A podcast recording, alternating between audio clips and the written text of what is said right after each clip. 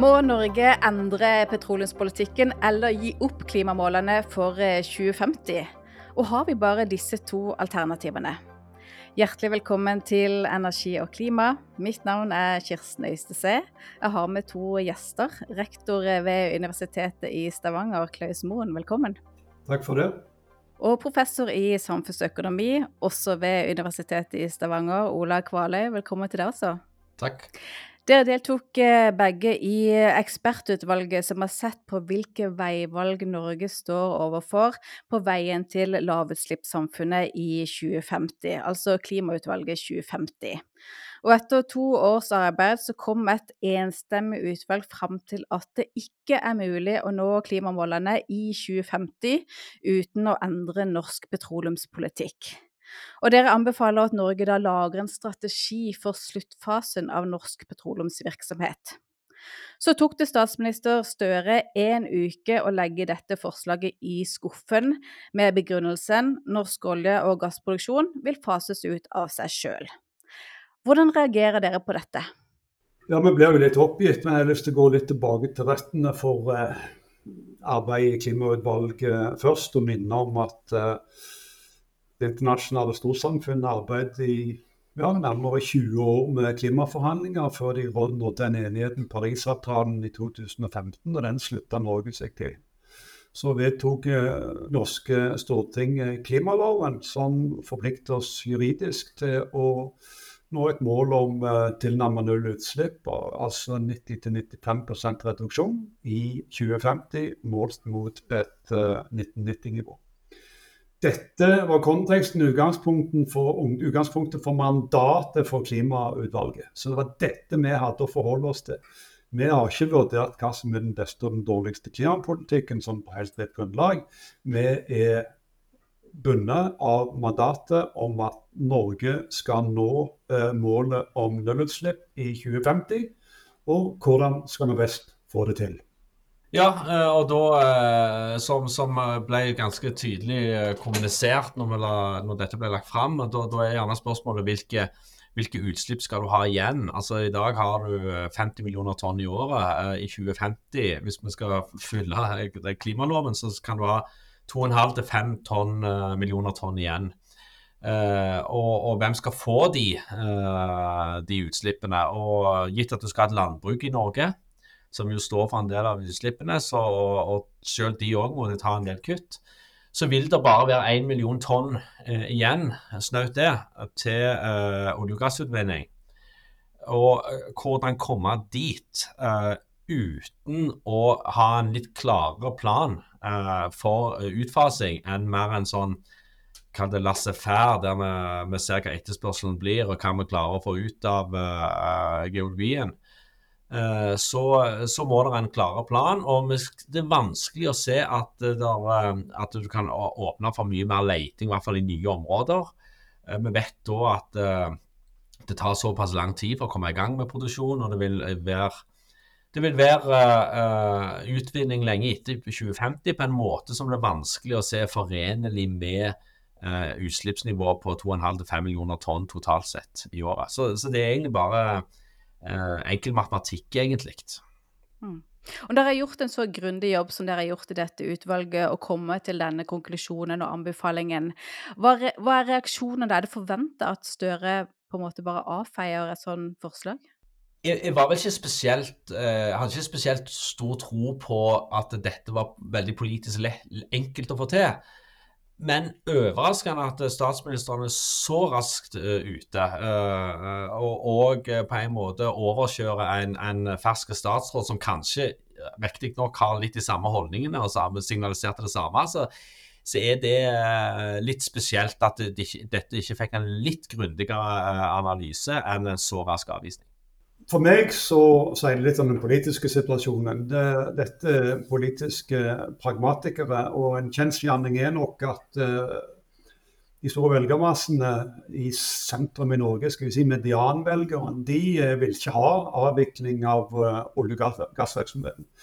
Og det er i kampen om disse velgerne at Arbeiderpartiet utvikler slagordet 'utvikle, ikke avvikle'.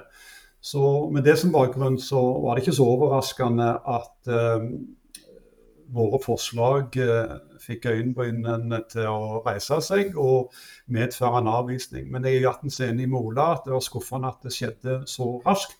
Og uten noen tilsynelatende grundig vurdering av forslagene våre. Størres argument var jo at uh, olje- og gassproduksjonen kom til å fase seg ut av seg sjøl. Og det sier også næringen, med, med bransjeorganisasjonen Offshore Norge i spissen. De sier ja, vi støtter Paris-målene. Uh, sokkelen kommer til å være nær null i 2050 med de produksjonsprognosene de har i dag. Hvorfor skal vi ikke tro på de? Nei, men Vi kjenner godt til den bakgrunnen. og Vi har jo òg lagt til grunn et referansescenario der uh, olje- og gassutvinningen uh, peker nedover pga. ressursknapphet. Vårt poeng er at hvis vi skal nå målene for klimapolitikken, så må, må reduksjonen i olje- og gassutvinningen skje raskere enn det som ligger til grunn i denne type forventninger. Og det, det er jo litt spesielt. Altså, hvis en ser historisk, så har jo alltid I forhold til den, uh, den, på en måte kurven på sokkelen som en har tegnet, så har det jo vist seg å være, uh, være mer der enn en, en, en, har trodd. Og Hvis en bare sier at dette automatisk vil fase seg utover seg selv, så er det, er det jo så er det litt sånn spørsmål hvorfor, de hele, hvorfor er de så opptatt av å lete, da? sant? Så, så det, det, det, henger ikke helt sammen, det heller. Mm. Og når Norges utslipp skal ned til nesten eh, null, altså fem, fem, mellom 5 og 2,5 eh, millioner tonn, så mener dere at Norge trenger en strategi for sluttfasen av norsk petroleumsvirksomhet. Hvilke hensyn bør en sånn strategi ta? Altså Skal det bare ta hensyn til klimamål? Skal man også se på forventa energietterspørsel i verden? Altså hvor, Hva putter man inn i en sånn strategi?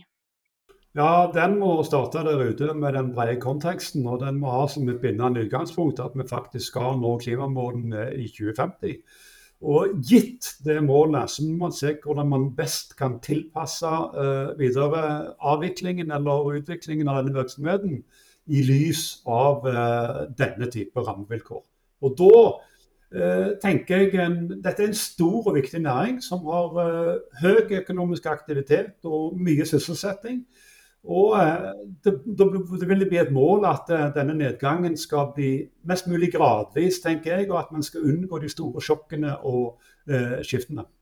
Ja, og det har vært litt av poenget òg at uh, en snakker om kvoter. En kan løse det med kvoter. Kvoter er veldig bra. og Vi er samfunnsøkonomer og, og tenker at det å ta kostnadskuttene der de er billigst i verden er, er, og i Europa, er bra å ha et kvotemarked.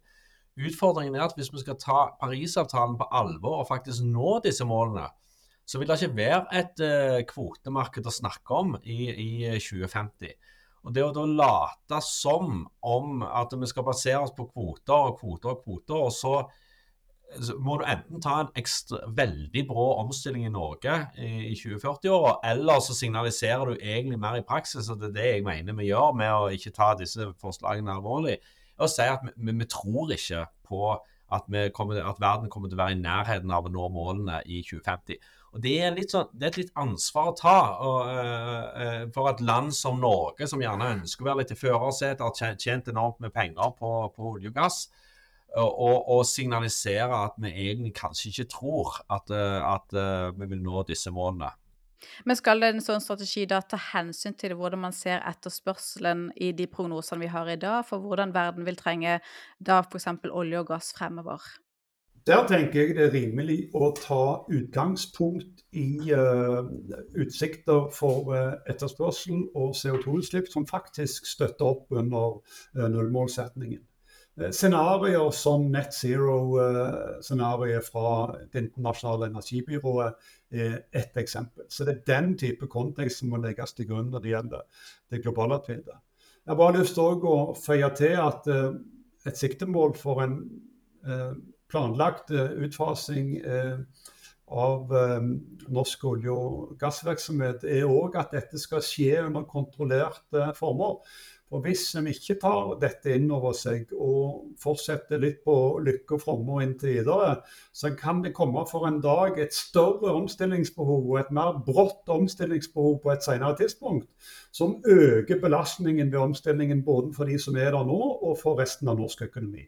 Og Da er det bedre å være forutseende og lage en plan for dette enn å ta det som det kommer. Mm. Og det er da økonomiske grunner? Absolutt. Det er kostnader ved omstilling, og de kostnadene er større desto mer brå og omfattende omstillingen er. Så det er jo for å holde omstillingskostnadene og belastningen nede at vi tar til orde for en planlagt og gradvis utfasing. Kan jo også legge til at det er klart, øh, Olje- og gassnæringen har jo vært fantastisk for Norge. Uh, det har generert øh, enorme inntekter.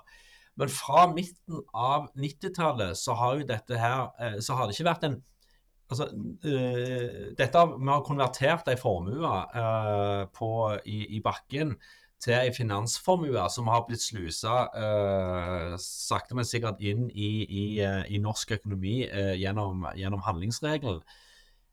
Jeg tror det er en, det er en veldig overdrivelse av hvor, hvordan det vil ramme norsk økonomi og, og redusere aktiviteten i olje- og, og gassnæringen det er ikke et arbeidsplassargument i særlig grad. altså for det, Vi har jo mangel på arbeidskraft. sånn at det, Det å tro at vi er nødt til å opprettholde denne næringen for å sikre arbeidsplasser, er, er feil.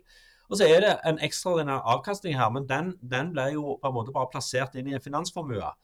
Og det går an å argumentere for at uh, vel, vi kan vente og se uh, litt, ta en, redusere aktiviteten litt og la denne formuen i større grad stå i bakken. Den kan jo faktisk òg komme til å Eh, komme til liv igjen eh, eh senere, hvis, hvis, vi når eh, målene vi har med teknologiutvikling på CO2-fangst og -lagring osv. Mm. Der argumenterer vel gjerne næringen for at hvis du legger den for, for, for død i for lang tid, da, så, så, klarer du ikke å få den opp igjen hvis du først er nede på et, på et lavt nivå i aktiviteten. Hvis verdien var høy nok, så er det noen som vil utvinne det. Kjenner meg ganske trygg på det også. Okay. Du Ola, du nevnte kvoter, og vi må se litt på dette med mandatet dere hadde. For eh, som dere nevnte, klimautvalget skulle ta utgangspunkt i klimamålet for 2050, som er vedtatt i klimaloven. Og det var jo et samla storting som vedtok klimaloven, som sier at vi skal være et lavutslippssamfunn. Og det ble definert som å redusere utslippene med 90-95% så sier jo ikke klimaloven at vi må ta disse utslippskuttene hjemme i Norge. Vi kan nå målene ved å betale for utslippskutt i andre land. Og Hvilke diskusjoner hadde dere i utvalget om dette spørsmålet, som egentlig har prega norsk klimapolitikk så lenge jeg kan huske? Altså, skal vi kutte hjemme, eller skal vi kutte ute? Det, der står diskusjonen. Altså, Klimaloven er ikke, er ikke uh, han, han, åpner for at du kan bruke kvotemarkeder. Uh, det var en diskusjon omkring uh, dette. Uh, om, om, om, vår anbefaling skulle være, å være, litt mer eksplisitt på at in the end i 2050 så, så, du, uh, så kunne du ikke satse på kvotemarkedene. Vi sier jo ikke at vi skal slutte å bruke kvoter uh, nå, men det, det, var vel mer å ta det på alvor at når vi målene, når verdenmålene, så vil det ikke være kvotemarkeder å snakke om. og dermed så blir omstillingskostnaden for høy hvis vi skal gamble på at vi ikke når målene. Så det er liksom du har to alternativer der. Enten så gambler vi på at vi ikke når målene, og så når en målene, og dermed sitter vi skjegget i postkassen og, og, får enorme omstillingskostnader. Fordi at verden når målene, og det er ikke lenger et, et, et, et kvotemarked å snakke om. Alternativt så er det å, å, å, helt klart signalisere at vi ikke har tro på dette, og med det eh, eh, Så selv, selv om selv om vi eh, da ikke lykkes eh, og Parisavtalen ikke blir oppfylt, eh, så er det allikevel Er det riktig da av Norge å, å, å spille det spillet der vi sier at dette er jo gjerne et fellesgodespill, som vi kaller det. Er det riktig av Norge, og så klart signalisere at dette har vi ingen tro på. Uh, så vi kommer til å satse på kvotemarkedet òg i 2050. Så det var den type diskusjoner. Men dette var dette var ikke rett fram å komme fram til dette. altså. Jeg syns òg det var en krevende argumentasjon, men, men vi landa på at dette var den rette inngangsmåten. Er rett at vi hadde uh, en del uh, meningsutvekslinger om dette før vi landa, men jeg følte samtidig at det drev i en bestemt retning, og at det var et hovedscenario for våre anbefalinger som vi brukte tid på å kvalitetssikre, og snarere til å styrke den hypotesen vi hadde hatt eh, i utgangspunktet. Det var ikke noe som endret seg voldsomt underveis. her. Så Jeg har også lyst til å minne om at vi er mye mer åpne og fleksible når det gjelder tilnærmingen og virkemiddelbruken mot 2030 enn det vi er mot 2050. Så i et 2030-perspektiv så gjør vi oss verken vi oss ikke til sterke talsmenn verken for det ene eller det andre. Men uh, legger vekt på at uh, prising av CO2 og bruk av uh, kvoter vil gi en bedre ressursfordeling i klimapolitikken i et kort og mellomlangsiktig perspektiv. For å legge litt til Klaus, det Klaus sier der, altså det var jo òg noe som vi formulerer Vi sier noe sånt som at eh, det å være for opptatt av 2030-mål eller kortsiktige mål, det kan gjøre at vi ikke når de, når de langsiktige målene. Så vi er jo, eh, vi er jo på mange måter eh, mer eh, Hurdalsplattformen la jo opp til eh, noen absolutte mål innen, innen 2030, som dermed krever, krever massiv elektrifisering, som vi òg er, er, er, litt, litt skeptiske til. Så på hvilken måte står da potensielt 2030-målene i veien for 2050-målene? Nå skal du si at det er stadig flere fra regjeringen som ikke snakker så veldig mye om Hurdalsplattformens mål lenger. Nei, jeg har merka meg en endring i uh, retorikken rundt akkurat dette. og For et år siden så snakket man om utvikling og avvikling som om det skulle omfatte oljevirksomheten. Og nå snakker vi om utvikling, ikke avvikling, for virksomheten på norsk sokkel, som er noe annet, tross alt. altså. Og man er, virker òg som man snakker i rundere vendinger om omstillingsmålet under uh, Hurdalsplattformen. og den nye eh, klima- og miljøministeren sier ting som at dette for det aller meste skal tas innenlands osv. Mens det vel ikke var den opprinnelige diskusjonen. Så det foregår en oppmykning av retorikken rundt 2030-målene. Mm. Og i 2030-målene så er det jo, ser det ut som da at eh, man, man, lener seg mer og mer mot at man kommer til å bruke kvoter. Eh, først og fremst fordi man er en del av kvotemarkedet i EU, men også åpner for å bruke internasjonale kvoter for å dekke opp resten hvis vi ikke når hele målet i samarbeid med EU. Men når vi ser på 2050-målet, hva risikerer vi ved å holde muligheten åpen for å også ta deler av utslippskuttene ved å kjøpe utslippskutt i andre land? Ja, altså For det første så er det ikke slett altså Hvis vi skal tro på både Parisavtalen og det når EU sier sånn, så skal jo dette skal det ikke være et kvotemarked i, i, i 2050 uh, i, i, Europa. Sånn at uh, du risikerer at det faktisk ikke er det markedet. Uh, vi kunne jo tenkt oss da at det, vi kan inngå avtaler med andre land utenfor EU osv. Så, videre, så, så, så det, det er klart. Uh, det, det, kunne en uh, gått inn på, men, men, men hovedrisikoen er, som jeg, uh, som jeg sa i stad, todelt. Da. Det ene er at du, det ikke er det kvotemarkedet, og at du, at du må ta veldig høye omstillingskostnader brått. Alternativt bare la gå, være en gratispassasjer i hele klimaspillet, for å kalle det det. Det kunne vi jo valgt å være. Hva Norge gjør med klima til syvende og sist helt isolert sett, betyr jo faktisk ikke så veldig mye. Såpass ærlige må vi være. Men vi ønsker jo å, å ta del i det kollektive ansvaret vi har for å løse dette, det, dette store problemet. Så det handler om å vise lederskap egentlig også? Ja, ja, jeg får bare få legge til. Det handler òg om å holde nede omstillingskostnadene. For vi kan bruke internasjonalt samarbeid til å skyve den innenlandske utslippsutfordringen foran oss. Men desto lenger vi utsetter utfordringen med å ta ned innenlandske utslipp, desto raskere må vi gjøre det når det faktisk eh, skal skje. For i 2050 så skal vi jo ned mot null eh, åkke sånn. Og i et 30-årsperspektiv så kan vi ikke lene oss på et kvotemarked. Det er noe vi kan gjøre bare de neste ja, 10-15 år, 20 årene kanskje. Eh, så eh, desto lenger vi holder det gående, desto større blir omstillingsutfordringen når vi først må trå til. Det blir mye snakk om at uh, sånn, et rettferdig grønt skifte, og at dette koster oss veldig mye. Og det koster gjerne de med lave inntekter mye, og osv. Og det, det, blir på en måte brukt for å utsette uh, det å løse problemet. Her så sier vi vi to ting. For det første peker vi på at det, det er en litt illusjon at det først og fremst er lavtlønna som, eller lavinntektsgruppene som, som taper mest. At det ikke er helt riktig. Og så sier vi eh, ikke minst da at alle kompenserende tiltak må være eh, må være, eh, skje på andre måter gjennom velferdsstat, skatte, skattesystem osv. Og, og ikke at du hiver ut, gir initiativ med den ene hånden og tar de vekk med den andre hånden og knytta til klima. Så Det er jo òg noe som har vært viktig for oss i, i, i dette utvalget. Når da eh, Støre så lett avfeier eh, anbefalingene om å se på en sluttstrategi, eh, er det da frykten for eh, hva det vil gjøre med folk flest, altså den der frykten for eh, urettferdighet, eller er det bare så utrolig vanskelig å løfte de politiske diskusjonene opp på et nivå der man faktisk går inn i og sier hva betyr veien til laveslipp konkret for, for alle deler av samfunnet? Jeg tenker at Det politiske narrativet på dette området har vært at klimapolitikken ikke skal koste oss så mye. Så man har eh, underkommunisert eh, kostnaden og belastningen med klimapolitikken. Og så har man overkommunisert mulighetene. og Det ser vi jo på en rekke politikkfelt eh, i møte med det brede laget av velgere.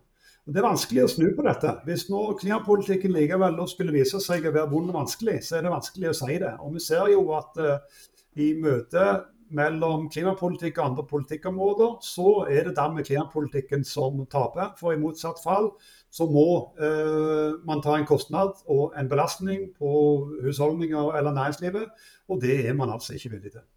Ja, og Hvis vi skal være litt sånn, ta på en mer sånn politisk analyse, sånn, så er det jo altså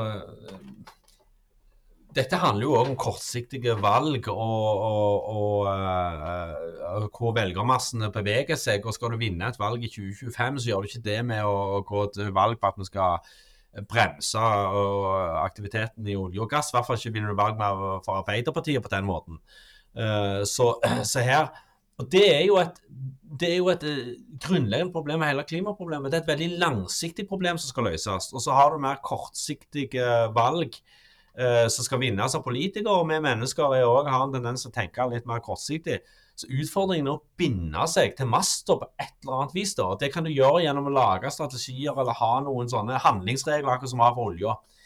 Uh, men, uh, men jeg, jeg, jeg, tipper at hadde Støre sittet som statsviter og ekspert i dette utvalget her, så hadde han nok landa på samme konklusjon som oss. Hvis han, hvis han kunne være en fritenker, ja. Så jeg, men, men, eh, det er et viktig poeng du peker på her med denne kortsiktigheten i politikken og valget hvert fjerde år, eller for så vidt hvert annethvert år, hvis vi også tar med lokalvalgene. Men vi skal jo stå i denne omstillinga i, i nærmere 30 år. Hvordan, hvordan, skal vi få den politiske debatten om hva omstilling handler om, inn på et konstruktivt spor? Det, det, er ikke bare det at det er kortsiktig, og det er ikke bare med politikk å gjøre, men vi er nok alle skrudd sammen sånn at vi har en uh, større oppmerksomhet på det kortsiktige enn på det langsiktige. Og I tillegg så er det kortsiktige i denne sammenhengen. Det er veldig konkret og, og, og håndfast. Mens, og det er kostnadene vi må ta. Eh, de er veldig konkrete og håndfaste. Mens gevinstene vi skal få igjen, de er ganske uhåndgripelige og eh, langt unna. Og da er det et bytte vi ikke er villig til å gjøre, de fleste av oss. Hva, hva bringer dere da løsninger inn i den debatten? Som Ola sier, så er vi nødt til å forplikte oss på en eller annen måte. og Der er disse planene kommet inn i bildet. Da er vi nødt til å, Politikerne er nødt til å ta dette alvoret inn over seg og øh, legge en plan. Og sørge for at, binder, at politikerne binder både seg selv og velgerne til massen.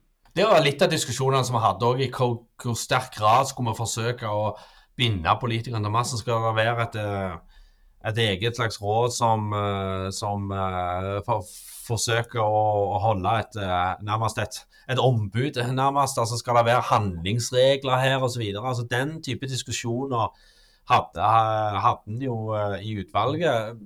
Så er det jo til syvende og sist er det med jo eh, det skal jo være vi, vi, jo demo, vi, tror jo på demokratiet da, på et eller annet vis, selv om vi tenker at det er en verdi som er så høy at den skal uansett uh, beskytte. Sånn at uh, Eh, så, så, i utvalget så var det aldri sant, altså, Dette må løses inn forbi vanlig demokratisk, selvfølgelig. og Da er det politikere som må ta valgene, og de velges hvert fjerde år osv. Så, videre, så må jo eh, vi bare forsøke å få fram informasjon på en så god måte som mulig, eller beslutningsgrunnlaget på en så god måte som mulig. Hvilke forventninger har dere til hvordan eh, utvalget sin både utredning og anbefalinger nå tas videre inn i de politiske partiene? Jeg tror vi har uh, lagt et referansedokument som kommer til å stå seg noen år, og som uh, tegner en uh, annen kurs for klimapolitikken enn det som har vært vanlig sentralt i norsk politikk de senere årene. Vi understreker alvoret.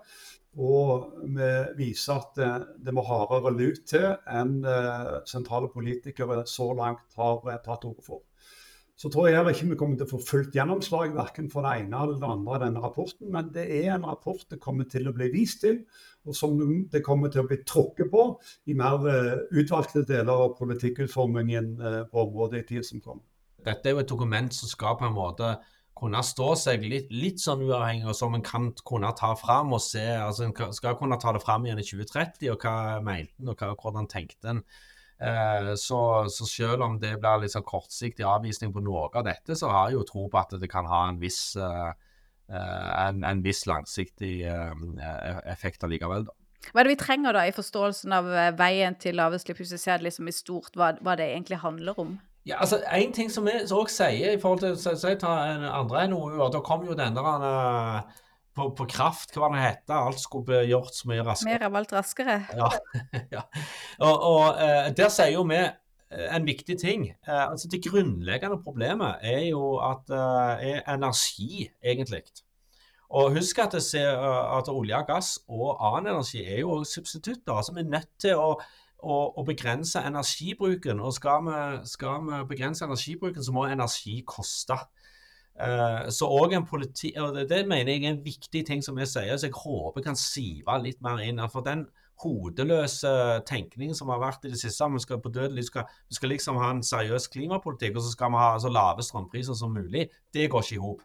Og Det er jo òg noe som vi sier i, i, i klima, uh, Klimautvalget. Til syvende og sist heter dette handler det her om hvor mye energi vi skal bruke, og hvordan priser vi det. Politisk er jo det omtrent like vanskelig som å si at du må tenke på slutt, sluttfasen for olje og gass, og si at vi skal ha høye priser på strøm. Ja, Vi sier vel ikke at vi utvider skal ha høye priser, men at uh, et mål om uh, vesentlig lavere priser enn resten av verden er i hvert fall, ikke, er i hvert fall neppe forenlig med et mål om nullutslipp. Det er en gang slik at ja, Hele klimautfordringen er egentlig en historie om knapphet. Og knapphet, eh, ikke bare blant økonomer, men ellers òg, det reflekteres, må reflekteres i høyere kostnader og priser. Og Det gjelder energi, men det gjelder òg eh, natur og landområder og råvarer osv. Så, videre. så vil knapphet eh, komme til uttrykk i økte priser. Og Vi klarer ikke å se at en skal kunne gjøre eh, energi til noe unntak i denne sammenheng, og samtidig eh, seriø ha seriøs tro på at vi skal nå klimamålene. Eh, helt avslutningsvis, nå har vi jo særlig sett på de anbefalingene dere har på petroleumspolitikken. Hvordan ønsker dere at vi tar den diskusjonen videre konkret? Nei, altså nå har jo eh, altså, en Støre og for så vidt litt Bjelland Eriksen var jo litt raskt ute og kutta akkurat deler av de forslagene. Men altså, dette skal jo allikevel ut på høring. Det kan jo komme andre synspunkter. Det er jo lov. og Til, syvende og sist vi håper jo at det blir lagt fram for, for Stortinget noe uh, basert på denne, denne NOU-en. Eh, så, så, vi håper jo at det, at det, er deler av våre forslag knytta til petroleumspolitikken som òg eh, til syvende og sist vil få noen form for politisk avtrykk. Ja, jeg er enig i dette. og Vi foreslår ikke at eh, utvinningen skal kuttes. Vi foreslår ikke at feltutbygginger skal stoppes. Vi foreslår ikke noe sluttdato for norsk oljevirksomhet, men det vi sier at vi må begynne å tenke oss om når det gjelder utlysningen av eh, leteblokker i områder som ikke har infrastruktur i dag, og sette en brems på der. Det er det vi sier.